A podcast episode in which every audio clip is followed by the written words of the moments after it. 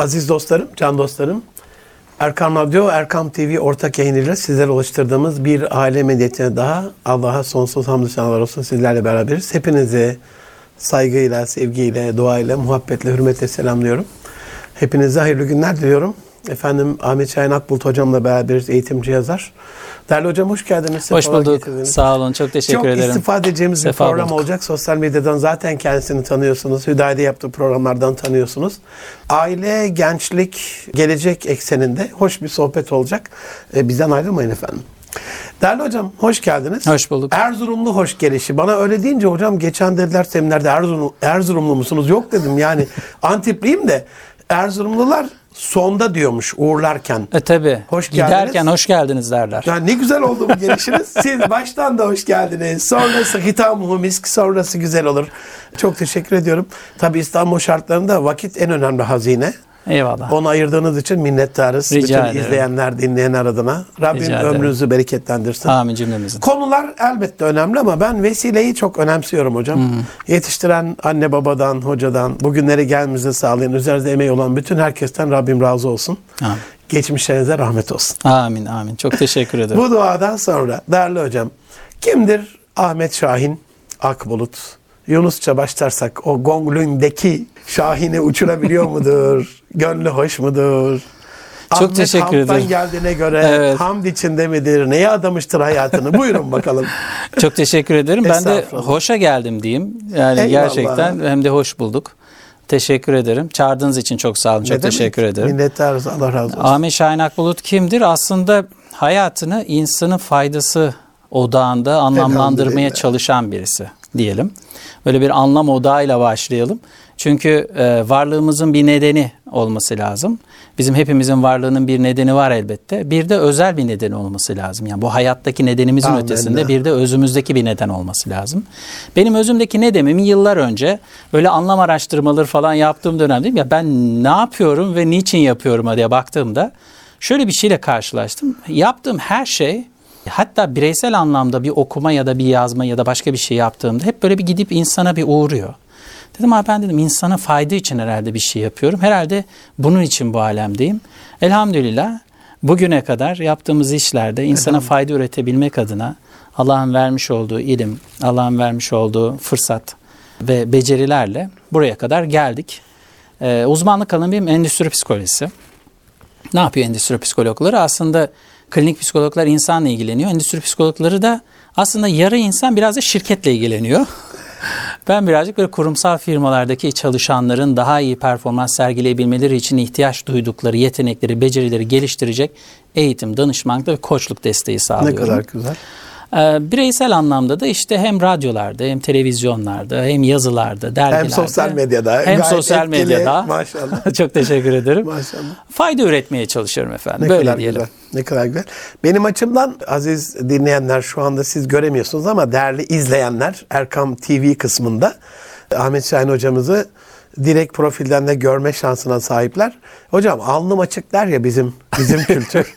ben bu alın yapısının hayranıyım. Rabbim maşallah diyorum. Rabbim muhafaza eylesin. Yolda karşılaşsam sormama gerek yok. Bu insan insanlara faydalı bir insandır. Hani ben Mehmet Ali Bulut gibi bir ilmi sima Fizyonomi. uzmanı değilim. Fizyonomi uzmanı değilim. Evet. Ee, ama hani ecdadımız burada çok e, büyük ilerlemeler kat etmiş. Bize de o kırpıntı olarak en azından kelamı kibardaki o güzel söz kalmış. Hani benim alnım açık derler ya. Bu alın yapısıyla inşallah e, istikbalinizde daha büyük hayırlara kavuşasınız. Ne mutlu bahtınıza yani. Çok teşekkür ediyorum. Yani. Tanıştığımız için çok mutlu oldum. Çok teşekkür Değerli ederim. Hocam, yaptığınız o profesyonel alana dönersek hani acizane benzer alanlarda çalışıyoruz. Konu odakları farklı olsa da e, zaman zaman görüyoruz işte Best Place to Work tarzı Kapital Medya 23. yılında en beğenilen şirketler araştırması. Her yıl takip ederim, röportajlar yaparım, giderim. Ya da hani dünyada böyle bir e, iş yerlerini çalışılan yer olmaktan çıkartıp beğenilen, yaşanılan bir iş yerine döndürmek var. İşin içine biraz daha humanizm daha girdi. Liderlik tarzında Allah Resulü'nün modelini uygulamaya çalışıyorlar. Hizmetkar liderlik biraz daha önem kazandı. Hep böyle iş yeri daha güzel olsun falan. Ama bu bir aile programı. Siz hani gençlerle ilgilendiğinizde, çocuklarla ilgilendiğinizde, iş yerleriyle ilgilendiğinizde topluma bakıyorsunuz sonuçta. Bunun aile yansıması nasıl oluyor? Ailelerde en beğenilen aile olmak. Hmm. Bu açıdan baktığımızda nasıl görürsünüz durumu? Hmm. Nasıl değerlendirirsiniz? Ne yapılması lazım veya sizin bakış açınızda? Ben soruyu şöyle anlıyorum. Nasıl Eyvallah. ki bir iş yeri kar etmeye odaklı, Amenna. iyi sonuçlar elde edecek en iyi uygulamaları benchmark eder ve en iyi şirket olmak için verimliliğini artırır. Bir aile de iyi olmak için nelere sahip olması gerekir gibi Eyvallah. algıladım soruyu. Eyvallah. Kesinlikle. Ee, şimdi belki konuşacağız e, sürecin içerisinde, de, programın içerisinde. Ben biraz bu kavramların birbirinden böyle çok ayrı uzak yerlerde olması gerektiğini savunan bir e, düşünme Eyvallah. yapısına sahibim. Yani iş yerindeki e, best practice'ler ve best work işiyle aile kavramı yani best family gibi bir şeyin e, çok böyle geçerli parametrelere sahip olduğunu düşünmüyorum. İkisi birbirinden oldukça ayrı, uzak yerlerde olması gereken kavramlar. Çünkü ailenin kendi içerisinde çalıştırmış olduğu parametrede bir iş yerindeki gibi performans baskısı yok. Her ne kadar böyle karı koca ve çocuklar arasında kim daha iyi performans sergiliyor içsel olarak takip ediyor olsak da zaten aile içerisindeki huzuru bozan kavram da bu. Amenna. Girerse bozulur anlamına. Ailenin Evet, içerisine aynen. Bozarsa, bo- bozabilir girerse. Amenna. Şimdi bir yöneticinin çalışanıyla kurduğu ilişkiyi düşünelim ve bir iş yeri iyi yapma halini düşünelim. Çalışan yöneticisine karşı verilen görev ve sorumlulukları yerine getirmek mecburiyetindedir. bir amenna. Sözleşmesi gereği. sözleşmesi gereği. Eğer bu görevler yerine getirilmiyorsa doğru bir performans sergileyemez. Sergileyemediği zaman uyarı alır. Uyarı aldığı zaman bu tekrar ederse işten atılır. Şimdi biz bunu evde yapamıyoruz. Yani aile içerisinde benim en iyi aile idealime ulaşmak için evdeki çocuklar en iyi kariyer basamaklarını yükselecek çalışma performansını ortaya koyacak. Hanım ya da bey en iyi eş olma durumu performansını ortaya koyacak. Komşularıyla en iyi performansta ilişkiler geliştirecekler ve biz mükemmel bir aile olma yolunda ilerleyeceğiz. Peki bu performansı kim tutacak? Birbirimizi mi kollayacağız? Birbirimizi izleyeceğiz. Bakın böyle aileler var. Özellikle çocuklarda performans anksiyetesi dediğimiz ve çocukları ciddi Kesinlikle. anlamda performans beklendiği için kaygıya sürüklenen çocuklardan ötürü belki kariyer noktasında akademik anlamda belli bir mesafe kat etse de ruhsal ve duygusal olarak geriye düşmüş çocuklarla dolu aileler. Kesinlikle. Karı koca ilişkiler açısından da böyle. Mükemmelliyetçi babalar, mükemmelliyetçi anneler birbirlerini mükemmel şekilde görmek isteyen karı kocalara, eşlere dönüşmeye başlıyorlar. Bu en iyi aile olmak yerine, en başarılı aile olmak yerine acaba biz en uyumlu, en akışta, en mutlu, en huzurlu aile olma parametresine geçsek nasıl olurdu? İyi bir şirket, verimli, kazanan, yüksek performanslı bir şirket ortamı, huzurlu bir aile, Eyvallah. uyumlu akışta yer alan bir aile ortamı. Eyvallah. Herhalde bu şekilde bir ayrım O kriterleri tanım var. karıştırdığımız için huzur bozuluyor herhalde değil mi? Bravo. Şimdi iş yerinde başarı kavramı yani performans arama kavramında kriterler oldukça nettir. Yani belli bir puan vardır. Belli bir ayın ve haftanın Eyvallah. içerisinde ya da dönemin içerisinde, çeyreğin içerisinde o performansa ulaşmak zorundasınız. Ulaşamazsanız yerinize yerine yenisini bulurlar. Ulaşamazsınız, müşteri de sizin yerinize başkalarını bulur. Fakat aile ortamında bunun için belli bir aralık, belli bir performans puanı, belli bir parametre, sayı, veri koyarsanız sen bu hafta yaptığın yemekler içerisinde 3 akşam yemeğindeki tuz oranındaki eksiklik yani böyle bir bela yani. böyle bir kavramsal yok. Ya da ya ben sana dört kez lütfen şu çoraplarını çöp poşetine, sepetine koy diyorum ama her seferinde çekyatın arkasında buluyorum. Bunu beşinci kez tekrarladığında gibi bir parametre yok. Burada uyum, birbirini anlama, birbirinin ihtiyaçlarını görerek akışın içerisinde kalma gibi kavramlar bizi huzura doğru götürüyor. Belki de şöyle düşünmek lazım. İş yerinde beklemiş olduğum ben ya da çalışan bir anne, çalışan bir babaysa, bir yönetici olarak veya bir çalışan olarak ben eve geldiğim zaman bu kimliği ve rolü devam ettiriyor muyum? Yönetici olmaya devam ediyor muyum? İş yerindeki o mükemmellik anlayışım. Buraya gelirken saat 5'te programımız var. 5'e 7 kala e, Serdar Bey beni darlıyor. Haberim var 7 dakika sonra oradayım. Eyvallah. 59 geçe buraya girdim. Eyvallah. Evet bu. Ama bunu ben evin içerisinde akşam saat 19.30'daki yemeğimiz 19.31 geçe 20'de de hazırlanabilir. Hatta o akşam yemek de olmayabilir. Eyvallah. Bu uyum ve akış aslında beni bu iki parçaya ayırdığında nerede başarıyı, nerede mutluluğu aradığımı tam olarak belirlemiş oluyorum. Bu söylediğiniz kriter kar- karmaşasını ben yaşadım bir kere. Ee, Sema Hatun'la eşimle. Böyle bir aile ortamında yemekteydik ve herkes bir şeyler yapmış. Ben bir kuzenimizin yaptığı, eşimin kuzeninin yaptığı yemeği ona karşı biraz övdüm. Bu daha güzel olmuş gibi. Bir şey söylemedi ama üzüldüğünü hissettim. Misafirler gittikten sonra dedi ki bir tanem dedi. Evliliğimizde ilk yıllarıydı. Ailede çok daha üst düzey benden zengin olan birisini söyledi. Aynı ortamda ben de işte bir tanem senin kazancından öbürü çok daha iyi bak öyle bir bir kıyaslama yapsaydım dedi ne hissederdin? Hani yemekte hiç toz kondurmuyoruz. O daha güzel, bu bilmem daha f- falan rahat da iş böyle finansal kıyasa gelince ben çok ezildiğimi hissettim. Bak dedi çok üzüldün. Bir daha yapmamaya gayret ettim yani öyle bir şey. Kriterleri karıştırmamak çok çok güzel. Kesinlikle Ee, burada çok öyle. haklısınız. Sorunun içinde soruya izin var mı? Tabii ki ne Bu demek? iş yeri kısmını alacak olursak hocam sizin yaptığınız danışmanlıkta sizin gözünüzde orasının nasıl olması gerekiyor? O kriterlere göre baktığınızda beğenilen bir şirket olmanın siz ne için çabalıyorsunuz orada? Neyi yapmaya çalışıyorsunuz? Neyi sağlamaya çalışıyorsunuz? A kurumuna gittiniz.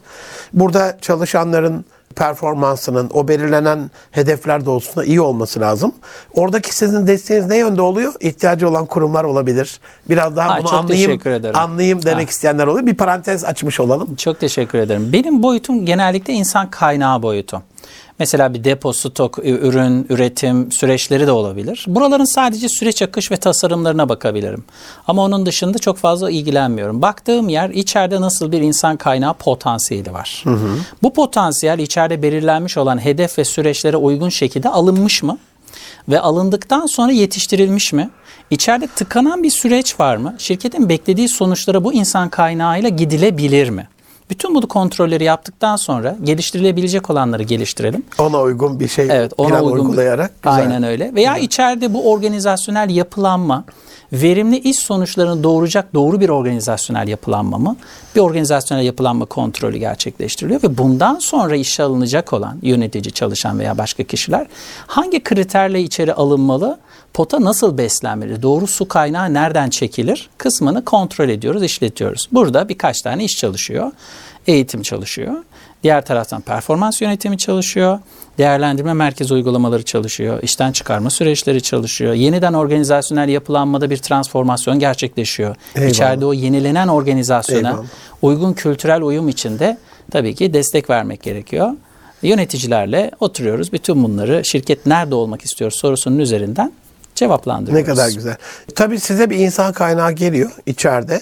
Siz o şirkette ilgilendiğinizde. Şimdi onların evveliyatına gelecek olursak ailelerin çocuklarını bu iş yerlerine hazırlama, işe hazırlama, ailelerin gözünden çocuklara baktığımızda nasıl görüyorsunuz toplumsal yapıyı? Ee, sizce iş dünyası ailenin motivasyonuyla, ailenin yetiştirmesiyle, terbiyesiyle, iş yerinin aradığı insan haline geliyor mu? Buna hazırlanabiliyor mu? Yoksa o dediğiniz ilk baştaki hep kariyer odaklı hani bilimsel şeyleri verelim, notları, puanları Aynen. verelim. E, İş yerindeki gözle baktığınızda patronlar o ihtiyaçlarına ulaşabiliyor mu? Güvenilir eleman adına, ahlaklı eleman adına, işbirliği, akışta olan, uyumlu. De nasıl görüyorsunuz o yapıyı? Bu konuda ben çok güzel şeyler söylemek istiyorum. Böyle bir ümidim Biz var. de dinlemek istiyoruz. Çok güzel şeyler söylemek istiyorum. Gerçekten kültürel yapısını oldukça iyi dizayn etmiş sağlam şirketler var. Ve bu şirketleri dışarıdan birilerini almak, içeride bulunmak ve orada uzun süre kalmak gibi seçenekler çok iyi tasarlanmış olabiliyor. Şimdi buradan şirket ismi vermeyelim ama genelde Eyvallah. böyle iyi yapılandırılmış şirketler var. Hatta içine giren kişiler çok uzun süre o şirketten ayrılmıyorlar. Bir şirketin içerideki kültürel yapısının uyumu ve iyi mi, iyi olma durumunu ben turnover oranlarını yani işten giri çıkış oranlarına Kesinlikle. bakarak belirlemeye Aidiyet çalışıyorum. yüksekse, turnover düşükse kesin yani. Aynen böyle. Ve aidiyet kavramını da şöyle değerlendiriyorum. Aidiyet aslında bir yerde çakılı kalmak değil, bir başka yere gitme fırsatı olan kişinin gitmeyi tercih etmemesiyle ölçeklendiriliyor. İçerideki kişilerin bir başka yere gidecek kadar iyi yetiştirilip yetiştirilmediği kısmı burada önemli olan şey. Kesinlikle çok kritik bir nokta. Eğer saplı kalıyorsa bu bir aidiyet değil, gidemiyorum da burada Çaresizlik, kalıyorum. Çaresizlik. Prangalar. Aynen böyle.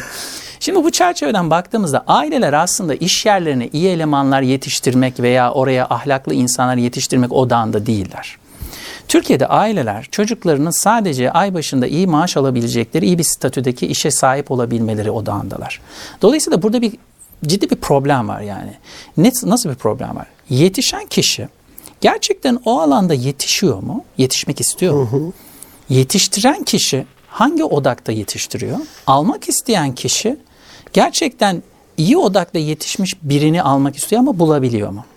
Bütün problem burada toplanıyor. Şimdi Türkiye'de liseden mezun olan insanların istemiş oldukları bölümlerde okuma oranları çok düşük. Yani bu oran %25-30'larda bir yerde bulunuyor. Gerek puanın yüksek olması, gerek iyi bir üniversite, gerek bölümlerin kontenjan oranları.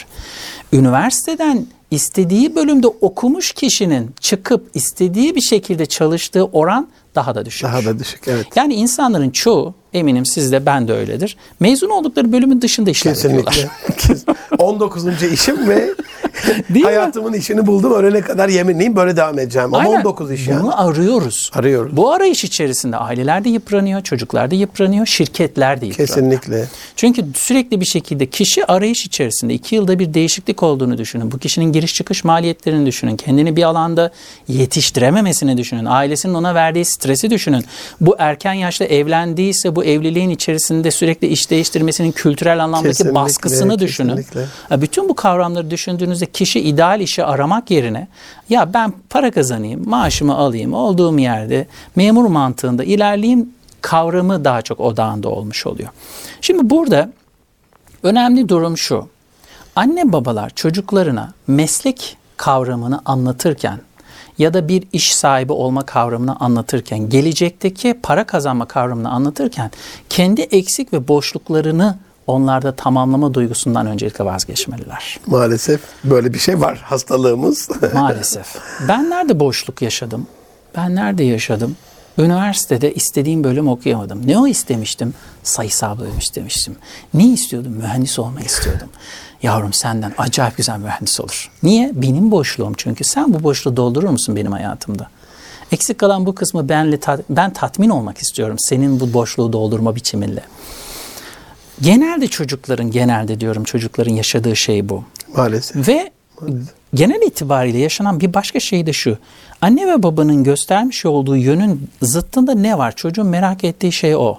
Ya diyor bunlar burayı istiyor mu? Diğer, diğer tarafta ne Bir vardır? tepkisellik ister Bir istemez tepkisellik oluşuyor. ister istemez oluşuyor. Bu genel itibariyle şöyle aslında ortaya çıkıyor. Israrla bir şeyi bir insana söylemeye devam ettiğiniz zaman kişi bunun dışındaki seçenekleri merak etme güdüsüyle yaratılmıştır. Ne kadar bir esnek alan bırakırsanız Eyvallah. kişi o kadar rahat bir alanın içerisinde sizin göstermiş olduğunuz şeyi daha genel bir açıdan görme şansına sahip oluyor. Performans anksiyetesi dediğimiz şey bu. Anksiyetenin genelde kaygının tanımını bilirsiniz işte. Kaygı iki şey arasında gidip gelme anında yaşadığımız duygusal karmaşa. O mu bu mu şu mu o mu yaptım mı yapmayacağım mı olacak mı olmayacak mı derken arada yaşamış olduğumuz derin duygusal karmaşaya biz kaygı diyoruz. Performans anksiyetesi şu ya ben bu kadar çalıştım evet belli bir emek gösterdim acaba annem tatmin oldu mu babam tatmin oldu mu peki ben istediğim şeye ulaşacak mıyım ya ulaşamazsam annem babam huzursuz olursa ya gelecekte istediğim mesleğe ulaşamazsam bu inanılmaz bir kaygı oluşturuyor kişide. Ve bu kaygı inanın ki daha sonraki hayatında kişiyi yüksek standartlı birine dönüştürüyor. İş ararken Ya gerçekten yüksek paralı bir iş. İşe ulaştığında hızlıca terfi almak. Terfi aldığında sürekli takdir görmek. Takdir gördüğünde bunun yeterli olmayı primle ödüllendirilmek. Bu yüksek standart beklentisi aslında bizim çok küçük yaşta çocuklarımıza verdiğimiz, geliyor. kodladığımız bir Kesinlikle. durumdan kaynaklanıyor. Böyle bir şemaya ulaşıyor çocuk yani. Diyor ki ben diyor hayatta diyor her şeyi çok iyi yapmalıyım. Çok yüksek standartlara sahip olmalıyım. İş yerlerinde bizim genellikle karşılaştığımız durum bu. Kişi daha olayın çok başında. Önünde yaklaşık 6 tane statü var CEO'ya ulaşabilmesi için. Gelmiş uzman yardımcısı pozisyona başvurmuş. Nedir bu şirketteki beklentim? Bir gün CEO olacağım diyor. Şimdi ilk mülakatta alabileceğimiz en abuk e, cevaplardan bir tanesi. Bir gün burada CEO olacağım. Güzel bir beklentim. Ama bu sorunun devamında gelecek soru ya da cevap verebilecek yeterlikte olman lazım. Peki sen buraya girdiğinde en yakın tarihli CEO nasıl olunur? Oraya ne zaman geleceğini öngörüyorsun? Hangi yetenek ve becerilerle bu CEO'ya ulaşacaksın, bu CEO makamına ulaşacaksın? Yanıt yok. Demek ki sadece kuru bir beklenti, yüksek standart beklentisi oluşuyor. Burada o zaman sorunun e, en özündeki cevaba gelebiliriz. Kişi neyin farkında olmalı? Bir iş yerine gittiğinde ailede ona verilmesi gereken şey ne olmalı? Kendi gerçekliği. Eyvallah. Ben neyi başarabiliyorum? Sınırlarım nereye kadar? Neyi istemeliyim? Benim kendi beceri ve yetenek setlerimle ulaşabileceğim işler neler? Peki ailemin benden beklentisine bağlı olarak ben neyi bekliyorum? Eğer bu gerçekliği ailenin de bilinçli bir farkındalıkla çocukla birlikte yapmış oldukları bu konuşmalar, çocuğun kendi gerçekliğine farkına varmış olması, inanın bir süre sonra pek çok şeyi gerçek olarak görmesine sebep oluyor. Kesinlikle. Üniversiteyi bölümü seçerken de buna göre seçiyor. Okurken de buna göre okuyor. Mezun olduğunda buna göre iş yeri seçiyor. Ve böyle çocuklar, böyle kişiler de geliyor. İş alımlarda benim özellikle terfi süreçlerinde karşılaştığım çok parlak profiller var. Çok çok Allah ümitliyim. sayılarını artırsın. Allah sayılarını artırsın. çok ümitliyim yani gençlerden. Zaten öyle diyorum yani yaşım 40'ın üzerine çıktı ama hala kendimi böyle 26-27'lerde hissediyorum. Çünkü sürekli gençlerle birlikte olmanın vermiş olduğu enerji onlar bana çok iyi geliyor. Onlarla birlikte olduğumda bazıları o kadar yüksek gerçeklik alanında bulunuyorlar ki neyin ne, nasıl bir şeyin içerisinde olduklarının farkındalar. Çok yakın bir zamanda bundan yani salgın sürecin içerisindeydi sanırım ya da hemen önce olması lazım. Bir yönetici terfi sürecinde bir terfi mülakat yapıyoruz. Genç bir arkadaş. Yani benden bir 5-6-7 yaş küçüktür. Ben de gencim demek ki. 5-6 yaş kadar küçük elhamdülillah. Ee, arkadaş geldi işte terfi sürecinde görüşüyoruz dedim işte ne mezunuz şu mezunum doktorası var gayet güzel. Nerede yaptınız doktorayı? Malezya'da yaptım ama gayet iyi. Ondan Çincesi var çok güzel. Ee, ben işte Malezya'da yaşıyordum buraya geldim. Neden? Hani orada her şey yolunda üniversitedesin. Dört tane çocuğu var gencecik yaşta. Ee, bana öyle bir hikaye anlattı ki benim dedi Türkiye'de dedi şu anda sahip olmuş olduğum e, finans alanında doktorasını yapmıştı. Bu alanda Türkiye'de çok az insan var ve ben burada bir şeyler yapabileceğime inandığım için buraya döndüm. Bu tarz mülakatlar bana o kadar iyi geliyor ki. Ben onları işe Ne alıyormuşum gibi olduğunu görünüyorum bilen, ama ne istediğini bilen, planlamada da desteğinizle uçacak, uçacak Kesinlikle. insan. Diyorum ki Eyvallah. Allah'ım diyorum sana şükürler olsun böyle insanları karşıma çıkarıyorsun. Bana da bir ibret levhası haline geliyor. Bir Bur- aynaya burada dönüşüyor. izninizle kısa bir ara verip Lütfen. ikinci yarıda inşallah Tabii ki. hem bu kişinin kendi farkındalığıyla alakalı hem ailelerinin bu mutluluğuyla alakalı. Tabii ki. Ahmet Şahin hocamla, Ahmet Şahin Akbulut hocamla insanın aile içerisindeki durumu, ailelerin, anne babaların evlatlarıyla alakalı durumu, aileyi konuşmaya, işi, geleceği konuşmaya devam edeceğiz. Efendim kısa bir ara veriyorum şimdi. huzur bulacağınız ve huzurla dinleyeceğiniz bir frekans. Erkam Radyo, Kalbin Sesi. Aziz dostlarım yeniden birlikteyiz. Ahmet Şahin Akbulut hocamla beraberiz. En son hocam kişinin kendi gerçekliğinin farkına varmasından, ailede bununla alakalı destek görmesinden, aslında kendi haritasının da realist bir şekilde kurgulanmasından bahsettiniz. Beklentilerin anne babanın kendi gerçekliğine göre değil, çocuktaki ben bunun acizan 2004'te kitabını da yazdım. Ee, ben bu dünyaya ÖSS için gelmedim diyorsan sevdiğin işe odaklan diye. Ben Maşallah. acizane 55 yaşındayım hocam. Bir cümle götüreceğim Rabbime. İnsan sevdiği işi yapacakmış meğer. Dünyada başka bir hakikat bulamadım. Bir cümle için yaşıyorum. Bizim koçluklarda, danışmanlıklarda, eğitimlerde de bunu e, anlatmaya, bunun mihmandarı, ışıkları olmaya çalışıyorum. Çünkü orada kendini bulan insan, anne baba tarafından bakarsak evde hep itekleyerek oğlum ders, kızım ders, oğlum ödev, kızım proje, aman sınav, aman işte dershane, okul bilmem ne Niye? İstese çocuk kendini keşfetse, Ya. yol haritası belli olsa zaten uçacak yani. Ya. Orada o da bu benim hayatım değil diye zaten ayak diriyor. Ya. Bir taraftan da hocam affedersiniz kimse aptal değil. Onlar da bir insan, bir birey. Onlar da muhteşem bir varlık. Onlar da işin farkındalar. Az evvel dediğiniz tepkisellikle anne illa böyle diyorsa bir de buna bakayım diye değil mi? Diyecek. Ya cennette o ağacı yemiş yani. Değil mi? E, ata, Bunu atamız- yeme acaba yesek ne ya, olur? o cennetin bütün nimetleri içerisinde o men edilen ağacı yiyen bir nesiliz Ademoğlu olarak yani. Kaldı ki burada babam rahmetli illa doktor olacaksın oğlum. Olmayacağım baba yani. Kesinlikle olmayacağım yani. Yok oğlum illa doktor olacaksın. Yıllar sonra ortaya çıktı. Çok iyi bir vaiz, İmam Hatip Sesi Müdürlüğü'nden emekli oldu rahmetli.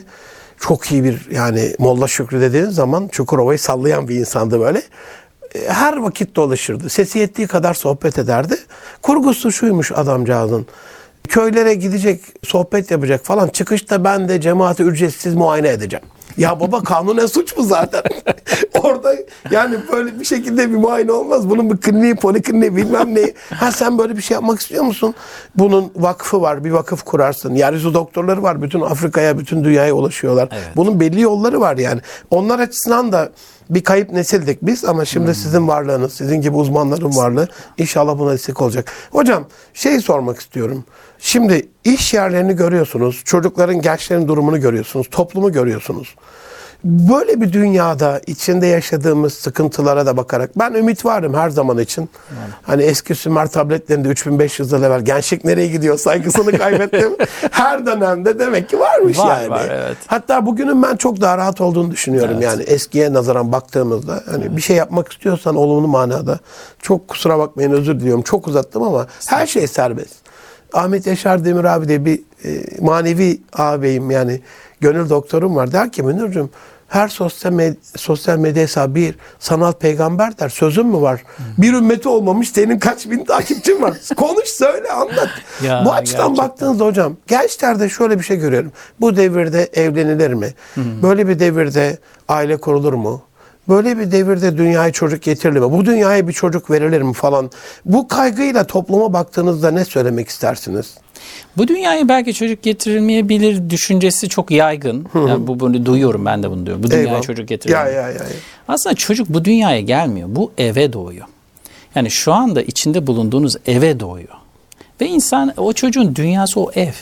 Eyvallah. Yani dışarıya doğmuyor. Buraya geliyor. Belki bir süre sonra o şartlar gereği o dünyanın kendi sistematiğinin içerisine dahil olacak. O doğru.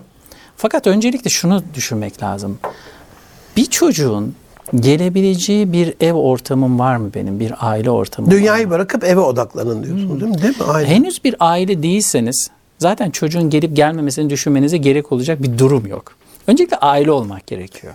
Aile olduktan sonra bu çocuğun gelebileceği bir aile ortamı var mı yok mu? Fıtraten insan aile olmak için yaratılmıştır ya. Yani çifttir yani öyle değil mi? Çifttir. Düşünsenize bir sistem düşünün. Mesela bir tok mesela düşünün. Fabrikadan çıkışı var. Her şeyiyle elektriği alıp yürümeye elverişli şunu söylüyorsunuz. Elektriği almaya gerek yok. Peki bu araç ne olacak? Yani işte bu üretildi burada böyle. E tamam da bir insanın dünyaya geliş nedeni zaten.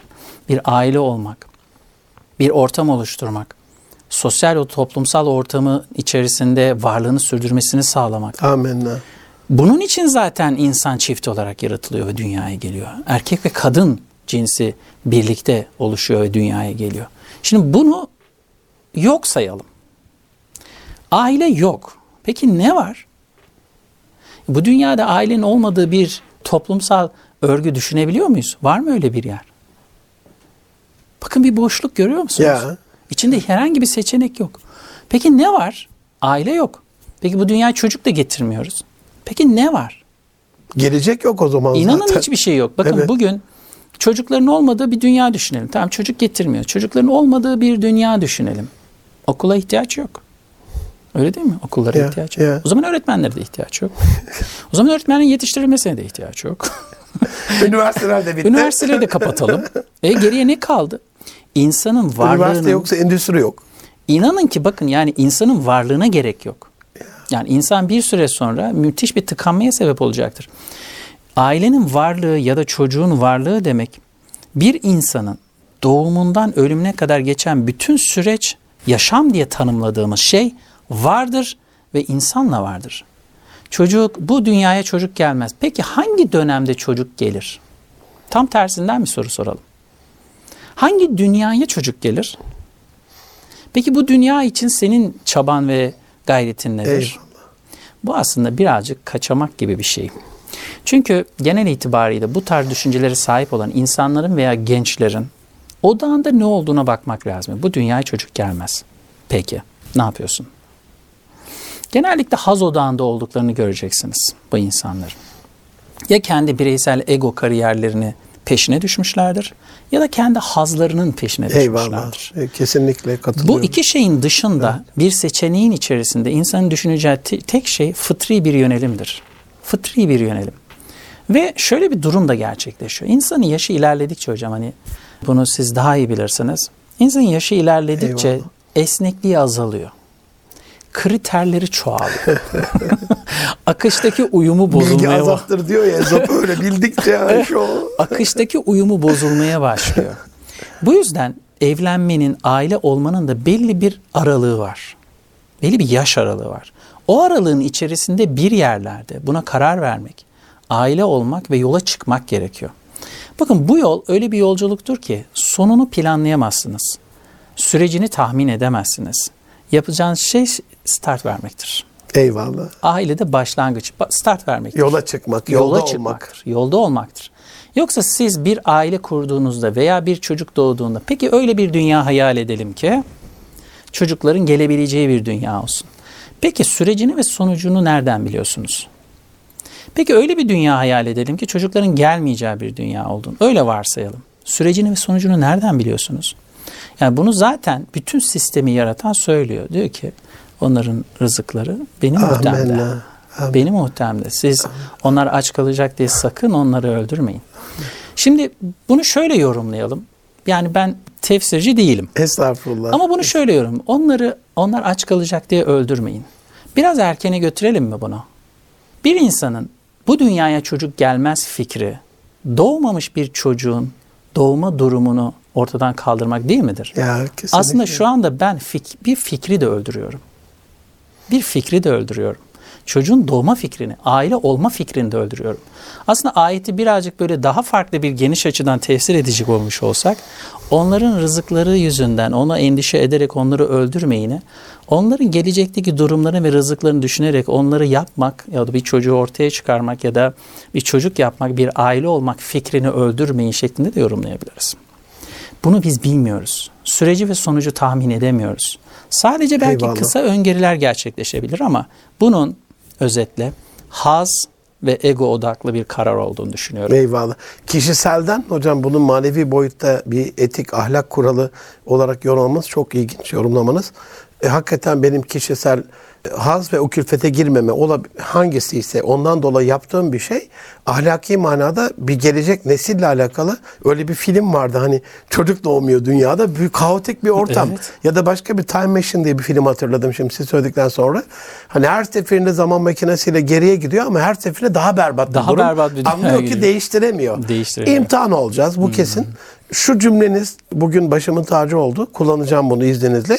Hani çocuk dünyaya değil aileye gelir. Siz dünyaya değil ailenize bir çocuk yapıyorsunuz. Dolayısıyla orada aile olmanın kriterleri, üzerinize düşen vecibeler. Tam da burada hocam minnettarım. Katkınız için teşekkür ederim. Şey soracağım. Ailelerin buradaki bakış açısı. Çünkü siz o yetişmiş iş gücünü e, bir anlamda tam potansiyelini kullanacağı yerde daha verimli hale getirmekle ilgili çaba da sarf ediyorsunuz. Ailenin bakış açısıyla işte kaçıncı oldun? Senden daha yüksek alan var mı? İsmail Hakkı Aydın hocamı konuk yaptım burada. Babası tabii Laz damarı da var. Dermiş kaç aldın? 80. Senden daha fazla alan var mı? 100 var. E, bir şey almamışsın. Ödül yok. Sevgi yok. Muhabbet yok. Peki başka bir zaman. Kaç aldın? 100 aldım. Başka alan var mı? Var. E demek ki alınıyormuş. Yine bir şey yok. Motivasyon yok. Bazen aileler tamamen böyle not odaklı gidiyorlar. Bizde hal ve gidişat vardı. Eski tevellütlü olanlarda. Karnenin sağ tarafı. E, Büyükler, dedeler falan oraya bakardı. Anne babalar sol tarafa bakardı. Matematik, fizik, kimya notlara bakardı. Ama hayat bize şunu öğretti ki o hal ve gidişat, o akışta uyum dediğiniz, mutluluk dediğiniz, huzur dediğiniz, gongul dediğiniz şey sağ tarafı daha değerliymiş karnenin. Şimdi bakınca hocam burada siz ne görüyorsunuz? Aileler bilimi önceleyen, notu puanı önceleyen aileler ya da ahlakı önceleyip eğitim evet olmalı ama hani not odaklı o anksiyeteyi oluşturan baskıdan ari olan, uzak duran aileler. Buradaki denge nasıl olmalı? Siz nasıl görüyorsunuz durumu? Şimdi bir şey bir şeyi tercih edemiyoruz tabii böyle Amin. bir durumda. Onun için dengeyi sordum Aynen zaten öyle. nasıl olmalı yani diye. aileler de bunu aslında kendi içerisinde bir denge uyum alanını net olarak ortaya koymalı. Ben şöyle düşünüyorum. E, denge tutturmak çok zordur. Denge kelimesi. Ben mesela eğitimlerde de insanlar bana soruyor. Hocam iş ve hayat, özel hayat dengesini nasıl kuracağız? Diyorum ki denge yerine uyumu kelimesini kullansak. İş ve özel hayat arasındaki uyumu nasıl sağlayacağız? Şimdi denge tutturmak zordur yani böyle bir milim orada evet evet şimdi de bir milim buraya koyalım. Hani her zaman da bu denge tutmayacak. Bunu biraz Kesinlikle. böyle esnek bir alana kaydırıp ikisi arasındaki uyumu nasıl sağlayabilir? Şimdi akademik anlamda kariyerde ilerlerken performans mesela iş yerlerinde konulduğunda e, bir iş yerinde çalışıyordum. Orada bana yönetici şöyle söylemiş. Dedim ki performans puanları ne yapsak dedim acaba. Hocam 100 üzerinden mi dedi. Evet dedim. 100 üzerinden 100 yapalım dedim. dedim yapmayın ne olur dedim. Yani 100'ü nasıl tuttursun adam yani her ay. Ne yapalım dedi. Dedim ki şöyle dedim 85-90 aralığında bir şeyle başlayalım dedim. Başlayalım derken dedi bakalım dedim yani insanların kapasite potansiyeli şirketinizdeki insanlar neleri tutturabiliyorlar. Birim bazı sonra kırarız dedim onu. Nasıl yani dedi. Şimdi dedim her birimdeki insanların ulaşmak istedikleri hedefler Eyvallah. ve bize sağladıkları verime bakarak yani he- hepsi yüz tutturmasına gerek yok. Çok hoşuna gitmişti. Dedim ki bakarız bu sene. Eğer 90'ı tutturabiliyorlarsa gelecek sene onu 93 yaparız dedim. Sonra baktık ki 93'ü tutturamıyorlar. 92'ye çeker orada tutarız bir süre. Sonra eğitim verir 93 isteriz. Eyvallah. Abi bu çok güzel mantıklı dedi. Şimdi bu ulaşılabilir hedefler konusu var ya. insana ve bireye göre değişen bir kavram bu. Kesinlikle. Şimdi bir aile şunu çok iyi biliyor. Çocuk yetiştiren herkes şunu çok iyi biliyor ki o sınıfın içerisindeki 30 çocuk, 40 çocuğun her biri birbirinden farklı. Amenna. Bunu bak bilişsel olarak biliyorlar. Ama Fakat beklenti şey- çok farklı oluyor. Niye hocam? Söylediğim şey, söyleyeceğim şey o.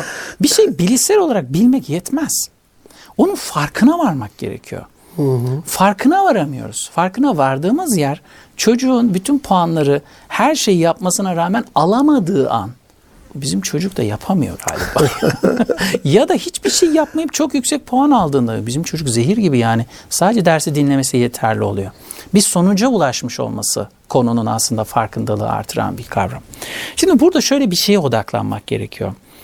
Benim çocuğumun akademik anlamdaki puanları önemli. Bir ailenin gerçekten baktığı yer sol taraftır. Karnenin sol tarafı. Buraya bakar. Sağ tarafı zaten cepte gibi görüyor. Çünkü okullarda da sağ taraf cepte gösteriliyor. Yani bugün ben sol, sağ taraftaki herhangi bir ahlaki puanı bunu mutlaka şu yayınlarla, şu eğitimle ve benim rehberlik hocamın şu testiyle kontrol etmeli ve çocuğun arkadaşlarına sürekli yalan söylemesinin veya hocasına bahane üretme ahlaki davranışının kontrol edilmesi gerekir notunu ben neredeyse hiç görmedim. Sağ taraf mükemmel mükemmel iyi iyi süper süper çok çok güzel. Bizim okulda kötü olmaz. Bizim okulda kötü olma. E şimdi aile diyor ki sağ taraf zaten cep doğru geç. Şimdi sol tarafa Sol bakalım tarafa diyor. bakalım. E, özel okulda okuyorsa da sol tarafı da çok fazla dert etmesine gerek kalmıyor. Yani orada da özel okulun getirmiş olduğu bazı artı çalışmalar, Eyvallah, yüksek performans eyvallah, beklentilerinin eyvallah, karşılanması eyvallah. farklı bir noktaya getiriyor. Ben her ikisinde dengeleyecek olan ya da denge benim için zorsa uyumlayacak olan, ailenin kendi standartlarına göre değişir. Bunu uyumlu hale getirebilecek olan bir bakış açısını acaba nasıl sağlayabilirim? Benim çocuğum her bir özelde, sözel derslerinde, Türkçesinde, hayat bilgisinde veya başka derslerinde, sosyal bilgisinde bakıyorum ki 90 üzerinde puanlar alabiliyor. Sayısal puanları ise 70'lerde 80'lerde gezebiliyor. Hepsine aynı düzeyde yüksek performans beklemek acaba benim hakkım mı? Benim hakkım mı? Çünkü o çocuğun ortaya koymuş olduğu performans bir şeyi gerektiriyor. Kesinlikle. Bir de fıtrat var, potansiyel var değil mi? Elbette ki kabiliyet var her Kabiliyet şeyin var, ötesinde. Kesinlikle. Bugün yaptığım bir eğ- eğitimde, bugün eğitimden buraya geldim malumunuz. Çok teşekkür ederiz. Ee, Eyvallah. yaptığım eğitimde bana şöyle bir soru geldi. Dediler ki hocam e, ne zaman bu konuda ustalaşırız? Dedim bu çok güzel bir soru. Yani bana dedim şöyle dedim orta açtın şu göğsümde yumuşatayım bunu ben diyeyim. Dedim herkes ustalaşamaz. Peki dedi bu eğitimi almamızın nedeni ne? Sadece öğrenebilmeniz dedim. Yapabilmeniz belki bir sonraki seviye. Belki yapanların arasından birkaç usta çıkabilir. Belki o iki üçlü ustanın içerisinden de iki üç sanatçı çıkabilir. Ya ustalığını artık en ileri seviyesine taşımış kişiler çıkabilir. Belki de çıkmaz. Bu neye bağlı dedi? Kabiliyete. Sizin kendi içsel yaratılmış olan fıtri yönelimlerinizle o işi yapabilme becerinize bağlı bir durum. Peki her bir çocuğun içerisinde bu olduğu kanaati bizim içimize nereden kondu acaba? Nereden var bu? Bence şu, şu şuradan olabilir. Anne babalığın getirmiş olduğu benim çocuğum süper ve mükemmel ve olağanüstü bir yaratık düşüncesinden geliyor diye düşünüyorum. Bu iyi niyeti şununla besleyebiliriz bence. Evet benim çocuğum her şeyi en iyisini yapabilecek potansiyele ve performansa sahip olabileceğine inanıyorum. Ve bunun sınırlarını ben görmek istiyorum. Eyvallah. Benim inancım bu. Ama onun sınırları neresi? Nereye kadar gidebiliyor bu çocuk? Ahlaki yöndeki bütün kavramlarda bu eski Osmanlı medreseleriyle ilgili bir kitap okumuştum. Sıbyan mekteplerinde dersler öğlen başlıyor genelde. Ve öğleye kadar geçen süre içerisinde Sıbyan mektebindeki medrese hocası anneye bir rol veriyor. Diyor ki adab-ı muaşeret derslerini diyor sen vereceksin diyor. Anne okul içerisinde yani outsource bir hoca aslında. Dışarıdan bir hoca. Ve mükemmel bir rol modeli Tabii olarak. ki. Sabah diyor ada muaşereti sen vereceksin iki saat. Sonra diyor bize göndereceksin. Muhteşem bir şeydi. Ben ilk okuduğumda böyle gerçekten şu anda da oluyor. Tüylerim diken diken olmuştu. Aileyi eğitimin içerisine katmak ve bu eğitim konusunu da adab-ı muaşeretten seçmek. Yani ahlaktan seçmek. Eyvallah. Şimdi bu iş demek ki ahlak tarafı sağ, karnenin sağ tarafı aslında benimle de ilgili bir durum. Güzel. Benimle de ilgili bir durum. Sağ tarafının mükemmel olmuş olması anne baba olarak benim mükemmel işler çıkardığımı göstermeyebilir. Bence orayı şöyle notlarını silip eşimle birlikte oturup ya çocukların Çok karnesini güzel. gel birlikte dolduralım. Çok. Diyecek bir esnekliğe ulaşmam lazım. Ve belki de nasıl olmasını istiyorsak bize düşen görev ne diye de onu desteklemek Bravo lazım. hocam, aynen çok öyle. teşekkür ediyorum. Değerli hocam yani gönül çok konuşmak istiyor ama süremiz bu programda bu kadar ama Eyvallah. inşallah buraya kadar yakalamışken sizi davet etmişken bir söz de alıp öyle bırakalım. Yoksa Eyvallah. salmıyoruz. Seve seve her Ee, zaman. Aziz izleyenler, çok değerli dinleyenler, e, Ahmet Şahin hocamla, Ahmet Şahin Akbulut hocamla inşallah gençliği, aileyi, geleceği biraz hani tabii ki e, bir işimiz olacak, bir eşimiz olacak, bir ailemiz olacak. Ama burada onun bakış açısını çok önemsiyorum. O insanın iş ortamındaki rehabilitasyonu da çok ilgilendiği için eksiklikleri en iyi fark eden, ideali de çok iyi bilen birisi olmasa biri daha çok konuşacaklarımız var. Ben hazırladığım soruların yarısına bile gelemedim daha. Onun için inşallah gelecek programda devamını Seve seve. niyetlenerek. Seve seve, her zaman inşallah. Çok çok teşekkür Rica ediyorum. ederim, Ayaklarınıza sağlık. Gelecek hafta bir başka konu bir başka konukla görüşmek üzere. Hoşçakalın. Allah'a emanet olun efendim.